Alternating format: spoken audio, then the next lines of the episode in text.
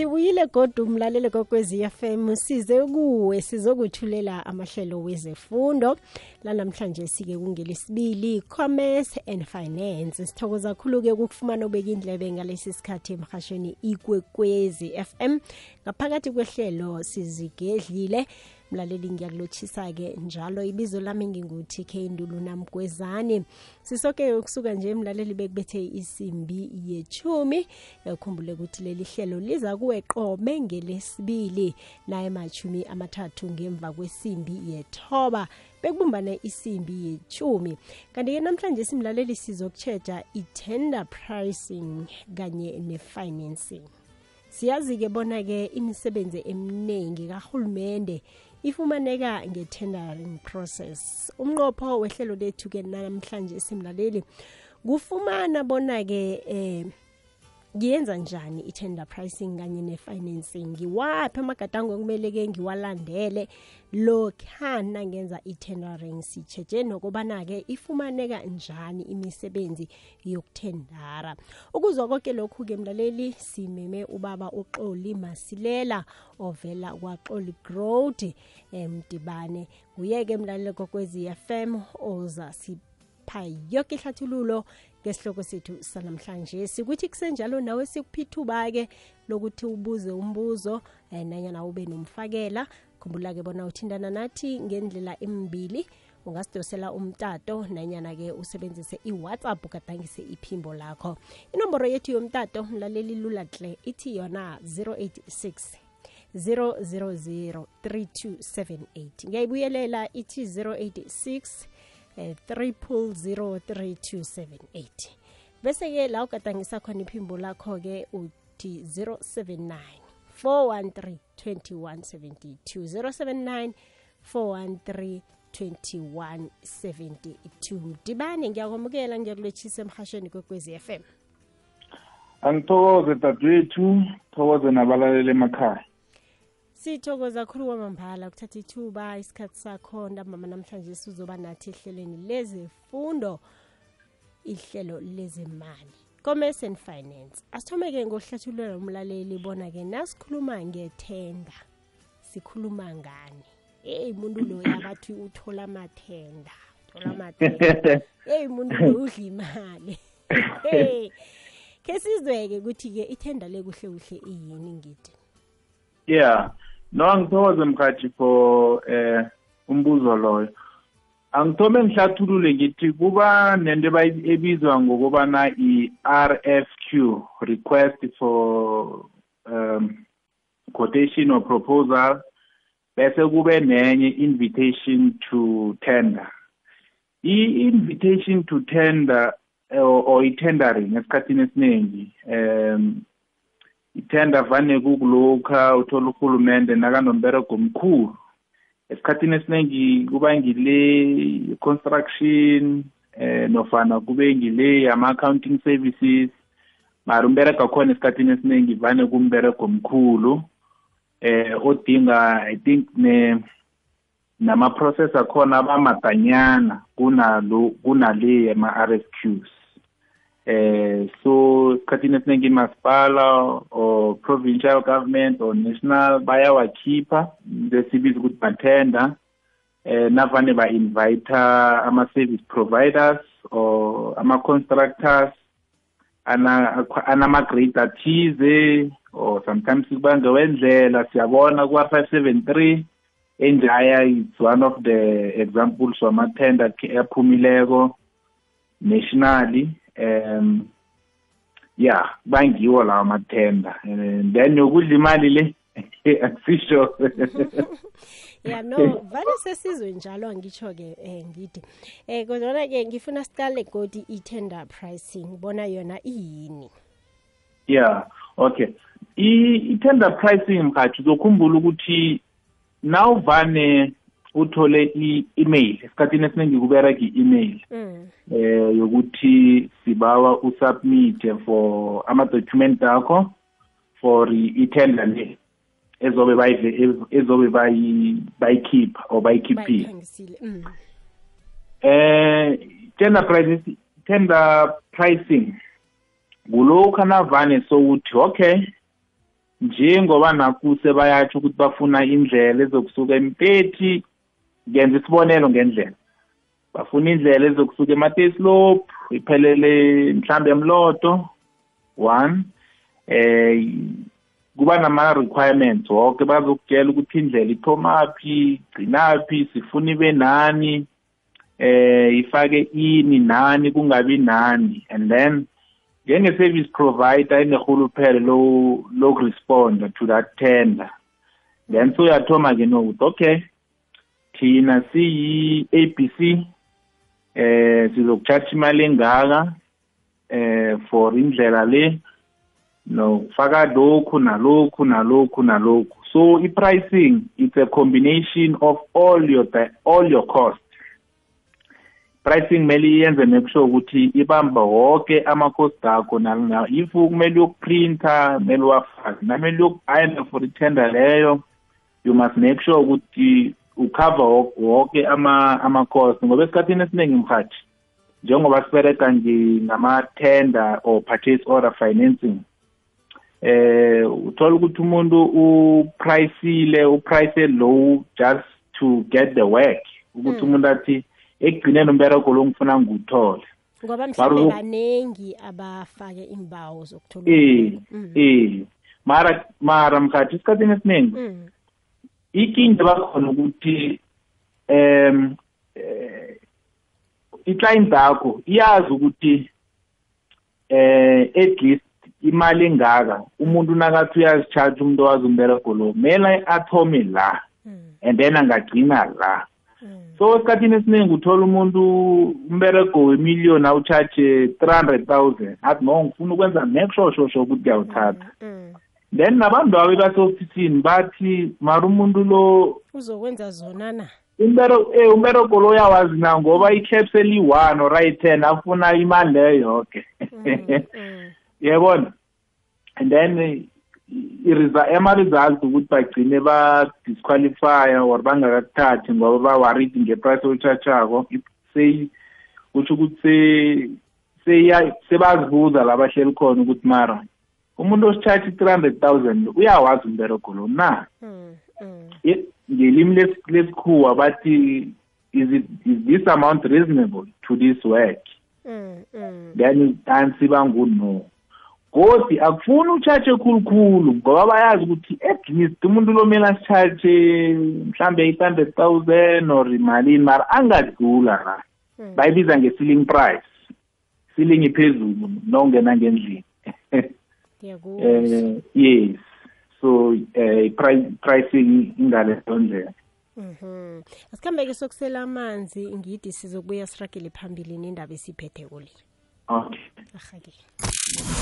mlaleli ikwekwezi fm yenza konke okusemandleni ukukwakha nesitshaba sonke ngokukulethela amahlelo afundisako konke lokhu kungababulula ngombono nomfakela ovela kuwe ukuthi ikwekwezi fm ingakusebenzela njani ngcono njengomlaleli wayo? Sitholela ngeposomoya ethi info at ikwekwecfm co za namkha enkundleni zethu zokuthintana zomrhatsho ikwekwecfm kukhanya ba.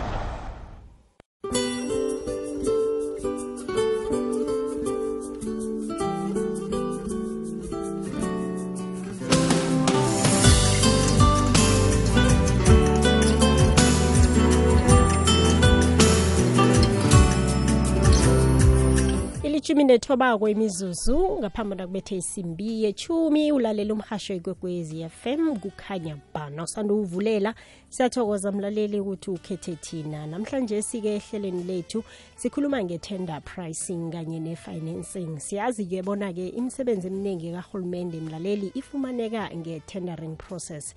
Manje-ke umnqopho wehlelo lethu lanamhlanje sikufumana bona-ke ngiyenza njani i-tender pricing kanye ne-financing waphi amagadango okumele ngiwalandele lokha nangenza i-tendering sijeje nokobana-ke ifumaneka njani imisebenzi yokuthendara. Sikhona-ke isitekeli sethu esiphethe ilwazi elihle khulu kwamambala elisezingeni elithe ja ngikhuluma ngaye la ubaba uxoli masilela ovela lapha-ke kuxoli road ungathoma-ke nawe mlaleli usithumele umbuzo wakho. Nanyana uthwayeleke ngokuthi usidosele umtato enomorweni ethi 086 00032 78 nanyana ugadangise iphimbo ku-079 413 2172 kulamlaleli-ke uzasithola khona. Siragela phambili-ke ngidi khe sicaleke eh bonyana ke mhlambe ngiziphi inhlabakelo ama materials okufuze ngibe nawo ngaphambi kokubana ngifumane ithenda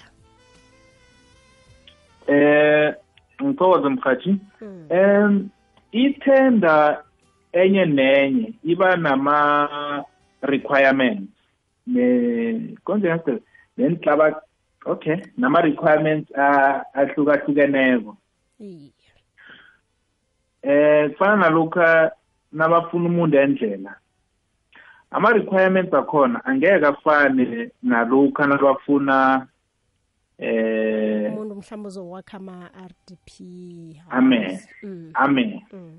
yes angeke sifane eh as much as bangaba ku-industry ethile khona la bafuna khona abo-NHBRC mhlambi nabo eh, CIDB CIDB i-CIDB le inama-grade ahlukileko grade 1 up to grade 9 Mm. eh then kube nama-basic eh eh requirements abafunako njengabo tax clearance zokhumbula ukuthi ne-SARS eh, collective imali eh tax clearance BE nayo BE nayo ngenye ebalulekileko mphathi ekumele singayikhohlwa ngoba esikhathini sanje eh ama first priority kuba amakhampani anabantu bengubo especially basesebatsha eh sibiza nge-youth eh so enye nenye ithenda iba nama-requirements ahlukileko mkhathi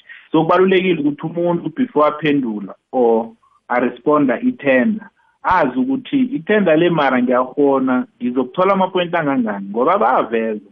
Mhlambe batsho ukuthi i-director yekhampani nengumuntu engubo eh for 100 percent shareholder yomuntu engubo mhlawumbe unama-percentage angaka.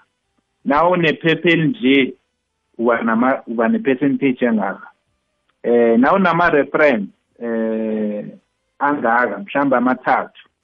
Uba nama-percentage angaka. So isikhathini esiningi uthola abantu aba- into ezinjalo abazicali umuntu usuthi no no no no umbereko lo ngiyawazi. Yes uyawazi mara the reason ekugcineni uthola ukuthi umbereko ungawutholi. Kuba kuthi ama-requirements asiwalandeli or asiwaqalisisi eh kangako. Then ekugcineni sithome sithi no nangu bani? Komi yena ilithendelo olitholile bathome bathi wazi ubani. Or wazi ubani wazi ubani then ekugcineni eh sekugcina kuthiwa corruption Mm, mm. angithi khona orayikho mara ekugcineni bantu ibona ibonakala njalo. So kubalulekile mkhathi ukuthi ubani nobani oku oku tendering eh owenza tendering aqalisise i-document ayi-check ukuthi ifuna ini and mkhathi bakuphi isikhathi musikutendering bakuphi isikhathi Ak- ayifani ne-RFQ i-tendering bakutshela ukuthi itender nathi iphumile isikhathi esingaka sokuthi usibuze ama-question Mm. la ungazwisisi khona sik- sikugayide tototi ngelangeli Mhm. manje-ke Yini? ngiyakuzwa eh, siyazi ukuthi abanye eh, uthole bangakhoni ukuphumelela ukuthola ithenda ngiliphi mhlambe kaningi ilwazi elihlayelako ekutheni-ke abantu bangakhoni ukufumana amathenda ya mhathi i- ilwazi kuba kuba ngi- ngileli ampura engiceda ukuliphendula ngoba mm. into enye kuba i-non-compliance iba ingaba i-non-compliance ngoba mhathi na ungasi-compliant also nange-tax ngenye into enye ebaluleke khulu and abakhoni nokukubhadela no-non-compliant Mm. So into yokuthoma kumele wenze nokusho ukuthi into zakho zakwa-SARS zi-compliant eh sikhathini esiningi kumele uzame ukuthi maybe i-level ibe ku- ibe ku-number one. Mele we- wenze sure ukuthi naw nakuyi-construction into zakho ze-NHBRC az- eh seserehe ze-CITB ziseserehe eh at least nawuna nawunalezo that's part of it's a primary compliant umuntu amele abe nayo. Sifana nalokhu emberegweni nabathi before singakuchasha at least ube ne at least none-metric ukhona ukokota akufani. Mara nonganayo kuba nzima nokuthi uthi yeyi noma uphume kwa-grade eleven kuba nzima ukuthi no ngifike la ngoba i-primary thing bakhe sibona i-matric so nangale ku-tendering ibereka nejalo. Bafuna ukubona ukuthi uthi uthi une-SARS compliant yes. Eh CITP ijame njani? I-reg yes. Uyabhadela ama-CIP ama-CIPC return yes. Then at least then khona-ke siya ku-pricing. Pricing is at another level.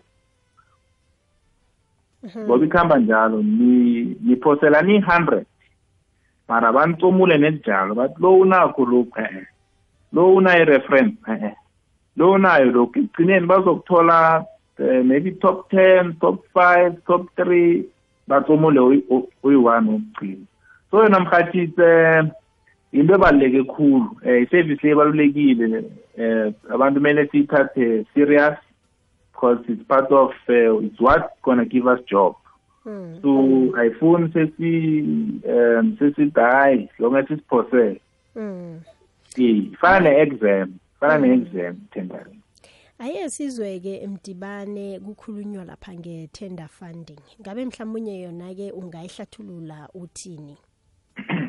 Yalapho nje uza ngekhaya-ke nje. Mm, eh i-tender financing or i-purchase order financing ingena la. Nawuse uwutholile mkhathi asithi umbereko wendlela lo utholile-ke no. Mm,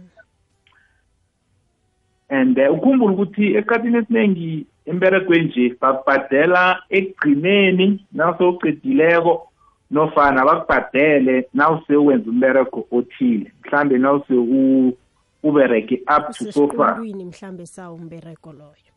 Iye. Mm, so thina singena la ukuthi sizokuhelebha ekuthengeni mhlambe amasamende uthenge imgodo zendleleni ezi mm, eh nawathi isikolo sikuthengela impina eh sithengela isamende leyo masilingi em nethi ukuthi uthoma ukubereka so the reason sithi akusiyi-loan per se mara si- sizama uk- ukuvala igap ekhona mhathi ngoba unama-banks ajamele lapha bathi thina ngeze sak- sakufana sifuna into ebizwa ukuthi i-collectoral ibasibambiso sokuthi unaso isibambiso nawuthi ufuna imali le? So ama-bank isibambiso esiyimali ngapha ufuna imali.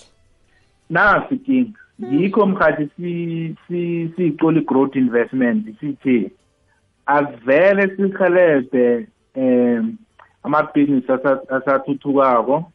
Nge-compliance yawo ngoba nje mkhathi se- sesizama ukubahelebha nange-compliance um ye-SARS SARS financial statements um sinekhampani ingidi business advisory or yidi accountants and tax practitioners sibereka nayo eh ehelebheni amabhizinisi nge-compliance. Ngoba ile the same time nathi mhathi sima-funders or sima-purchase order financing company asifuni umuntu or asijabuli na uthola ukuthi umuntu mhelebhile wathatha imali eh umuntu abereka athatha imali okuthenga i thenga or iviano or okuthenga ini kusasa abuye godu. Ufuna ukuthi umuntu lo akhule a-understand ukuthi i-business what it means to run a business Mm, and what is the profit in my business. So kungakho siberekisana nengithi accountants and tax practitioners senzela ukuthi ibahelebhe nge-compliance nokuthi ngoba mkhathi kuba buhlungu nawubona i mean sidila ngamakhesi la every day. Uthola umuntu athi ngiberekile batsho ngigoloda usars imali engaka. And uthola ukuthi uza nje usars seka-athashe sekabuza ukuthi unani unani unani sesifuna ukuthatha. Siyayivala ibhizinisi le ngani? Ngokungazi and kuba buhlungu mkhathi nawubona into leyo yenzeka. Thola bathola i-court court order business ivalwe ngokuthi uya wasigoloda wathola imali engaka emasipala wathola imali engaka e-department zange uyideclare. Ngani? Sometimes ngokungazi abanye abantu mkhathi yenzeka ngoba umuntu angazi. Mm, mm. Eh. Uba wasiyokusela amanzi ngithi sizokubuya siragele phambili. Mlalele kokwezi FM Okay. ahake ivuliwe imtato ku-086 000 3278 phimbo umgadangiso uligadangisa ku-079 413 2172 siyabuya. I-sabc sport ibarhatshi abasemthethweni befifa world cup qatar 2022 amalanga amachumi amabili nethoba amachanel amane kamabonakude nentetshi ezilithumi netoba zemirhatsho sisonke sibumbene ngomdlalo omkhulukazi lo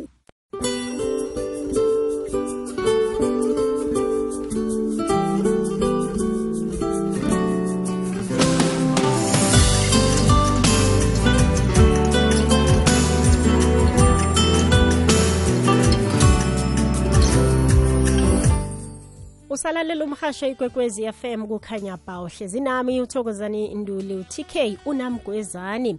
Njenje imizuzu ibunane ngaphambi bona kubethe isimbi yechumi ngesimbi yechumi siyalisonga ihlelo lethu mlalele kwekwezi fm emva kwalokho umindlulavu umakhuthalele ezimfaneleko.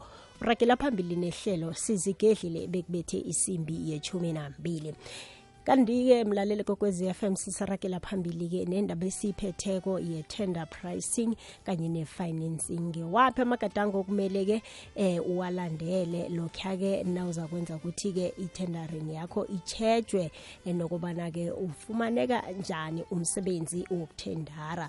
Sinesithekeli sethu lapha emtatweni ngikhuluma ngaye la-ke uxoli masilela obuya kuxoli road lalele kokwezi FM lithuba lakho-ke nawe nangabe unombuzo sithosela umtato ku-086 0003278 ngithi njengoba simemile umlaleli sekakhona emtatweni ngiba wasimdobhe sizwe bona uthini. Kwekwezi siyakwamukela. Akwande sithe ngiyavuka nesisekeli sakho. Sivukile nivuka njani mvuka hayi sivukile ukulani ngunesipho siyathokoza julayi. Mm, yazi ngikhombela ukubuza la. Iye. Umuntu nomkhakha loyo. Ya eh esikhathini esiningi esikhathini esiningi asenziwa angeke sithi mhlambe sima-contractors angeke ngithi sima-subcontractors ngoba no uthola mhlambe kungena imali umberegweni owenzileko loyo. Usaphe emntwini osaphe ku-main contract asithi mhlambe uthola 50000 per month. Imali yebaberegini imali ekumele uyibale let's say usala 20000 of 15000 so manje usar nekakuthathako ukuthathela phezu kwayiphi imali? I-profit esele kuwe noma imali engeke mbuzo wokuthoma loyo. Wesi-two la kusars ngithe nengigcwalisa amaphepha ami kubuya umlayezo ukuthi angingagcwalisi mara imfanelo i-tax clearance iphumile. Kusuke umraro kuphi lapho?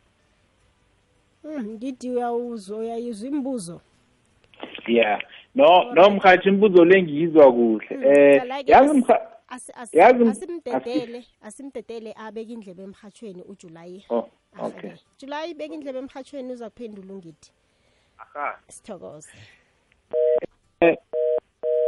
Sengiqale nesikhathi mkhathi angazi mhlambe eh ekugcineni nakade ngingachiya ama-phone number ngoba omunye nomunye eh ufuna si simuphe isikhathi esi-enough Kulungile. usar sinento eziningi ayedwa so eh mara khe ngimphendule msingi Mhm, ngaphambi bona umphendule khe sidobhe nangomunye emtatweni. Okay. kwezi ngiyakwamukela TK kunjani? Ngiyavuka kunjani mna kwethu sithokoza ngikulotshise ngilotshise nesithekeli sakho ngapho siyathokoza.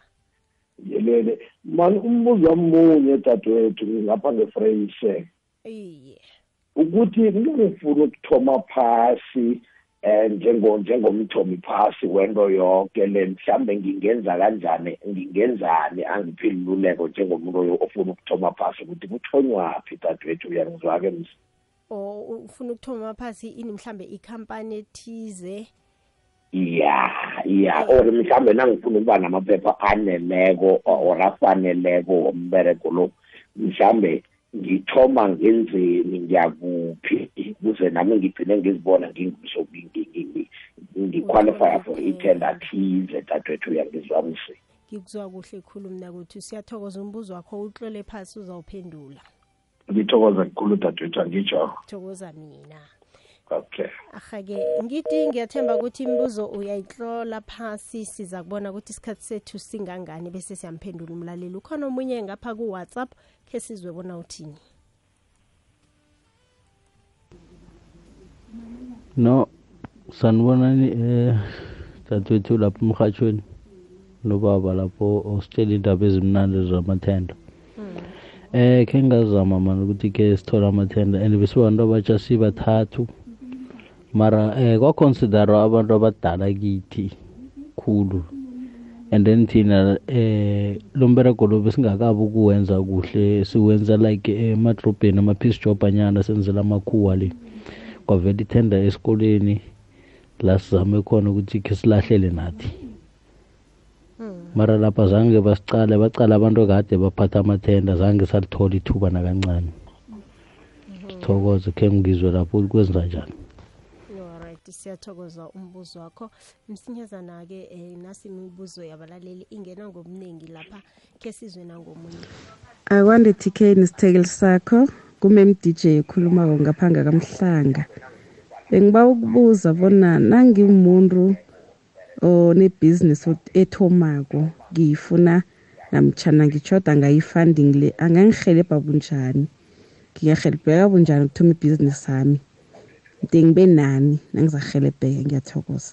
Ahake sithokoze khulu komambala njenge-ke ngizokudobha wokugcina ngidi khona ngapha ku-whatsapp emva kwalokho-ke siyisonge ngokubuthelela-ke um yoke imibuzo ebuziweko usitshele nenomboro. Sithokoze mhathi njani ngiustrike ngekrizani ngasekashmiri. Ngiba ukubuza ucoli investment and holding ukuthi na kuyakghonakala ukuthi na nje ungisomabhizinisi omncancane osathuthukako eh abe i-agent akho akutholele ama-client like ama-tendering ezinjengalezo. Mhm. ngiyathokoza balaleli imibuzo itloliwe phasi. Njenganje-ke xoli bengibawa sithathe ithuba leli lomzuzu wokugqina silinge ukuyiphendula imibuzo. Ngiyathokoza mkhathi yazi mkhathi sikulow shedding amanye amakhweshini la bengiwazwela kude mara eh kunenye nasi yokuthi eh simsiza njani umuntu ofuna ukungena ku business ye-tendering? Mm uthi ngathi ngithanda uku-advise ngithi mina eh asizameni ukuthi si sibe ne-service or i-product esiyithengisako kumabhizinisi ngoba esikhathini esiningi i-tendering mkhathi izokustressa eh economy sesikiyo le seyi seyijame ngenye indlela mani eh asiberegiseleni i-tendering ukuthi siye phambili. Ngoba uzo uzo uzo uzokwara nabangakapointi eh sibonisi siyabona kwenzekani? Eh sibonile na ku state capture. Ukuthi abanye bathi uthola ukuthi abantu bapointa abantu babaziko njengo njengomunye umfowethu obuzileko ukuthi kumbanga appoint ba-appoint abantu abadala. Mm mm. Iba nento eziningi so vane ngithi umuntu nasona ibhizinisi ngoba ngathi ibhizinisi ngifuna ukutsho ibhizinisi is very tough ibuhlungu ibuhlungu ibhizinisi mkhathi ukurana ibhizinisi akusi- akusilula mm. kubuhlungu khulu um so um it's good ukuthi nasi no- noba ne-product eh oyithengisako. And then i-tendering ungasuyenze na uthola isikhathi or na ubonako ngoba angeke waqualifyele woke. Nama-requirement ebafunako esikhathini esiningi angeke ube nawo woke. And then size la kus- ku-sars mkhathi. Eh i-SARS iba nento eziningi. Yodwa i-question lebe ithini? Bekathi ufayilile mara kasi compliant or akafile compliant mm jaba khe sizwe lo mbuzo khe sizwe ukuthi bekathini sithokoze mhathi njani? Ngiustrike ngekrizani ngasekashmiri. Ngiba ukubuza ucoli investment and holding ukuthi na kuyakghonakala ukuthi na nje ungisomabhizinisi omncancane usathuthukako eh abe i-agent akho akutholele ama-client like ama-tendering lezi oh, okay. Angazi ukuthi ngiwo lo mbuzo bofuna ukuwuzwa xoli? Oh okay. Okay. No mkhathi lo i think in short eh or mhlambe uzama ukubuza ukuthi eh angasenzela ama referrals angasilethela abantu na? Angazi mkhathi na uzwisisa ngendlela leyo ya ngicabanga njalo ukuthi ubuzela lokho ukuthi angakhona ukuthi yena mhlambe abe i-agent ekhona ukuthi ibuthelele abantu. Azabaletha kini nibasize na uthi kuyakhonakala lokho na? Mm. eh iye mkhathi kuya- kuyakhonakala ngoba mpula esikhathini esiningi ibhizinisi amalanga la sesiberega nge-networking. Eh ba- bakuhle abanye abantu nabaziko ukuthi wenzani. Eh lokho ke emberege eminingi eh sithola ngokuthi hayi sahelebha omunye kuhle lo omunye watshela omunye lo watshela lo lo watshela lo. Ntibane isikhathi sethu nokho sengiso esalako njenganje. Okay. eh oqakathekile kuzinomboro zakho zomtato ukuthi umlaleli ukutholaphi nangabe ufuna ukwenza ilandelela ngendaba esiphethe uli okay. Eh bangangithola ku cellphone number ethi be- mara mhathi wengiba bangifonele kusasa. Ngiyarabhela ngiyarabhela ifone number ethi mhm. mhm. eh, zero seven one two six four double two four seven. Angiyiphinde. Um zero seven one two six four double two four seven. Ahake siyathokoza kuma-social media niyatholakala? Eh ku-social media mkhathi siku-linkedin. Eh ungase usearch uthi Icoli investment holdings which is our it's our group. Then ngaphakathi kwayo uzo- uzokuthola icoli growth. Mara ngiprefera ifoni umuntu nakafonako ngikhona ukumphendula msinya. Nakangithole efonini asabhale i-sms then ngizokubuya kuwini sometimes thola ngiku-meeting eh injalo mkhathi. Ngithokoze khulu kwamambala ihlathululo yoko. Siphe yona ube nobusuku obuhle. Kakhulu nakini kube njalo. Sithokoze. Mlalele kokwez f m silibeka lapha ihlelo. Commerce and finance urakela phambili umindlo love nehlelo sizigedlile. Mina ngikuthi ke induli unamgwezane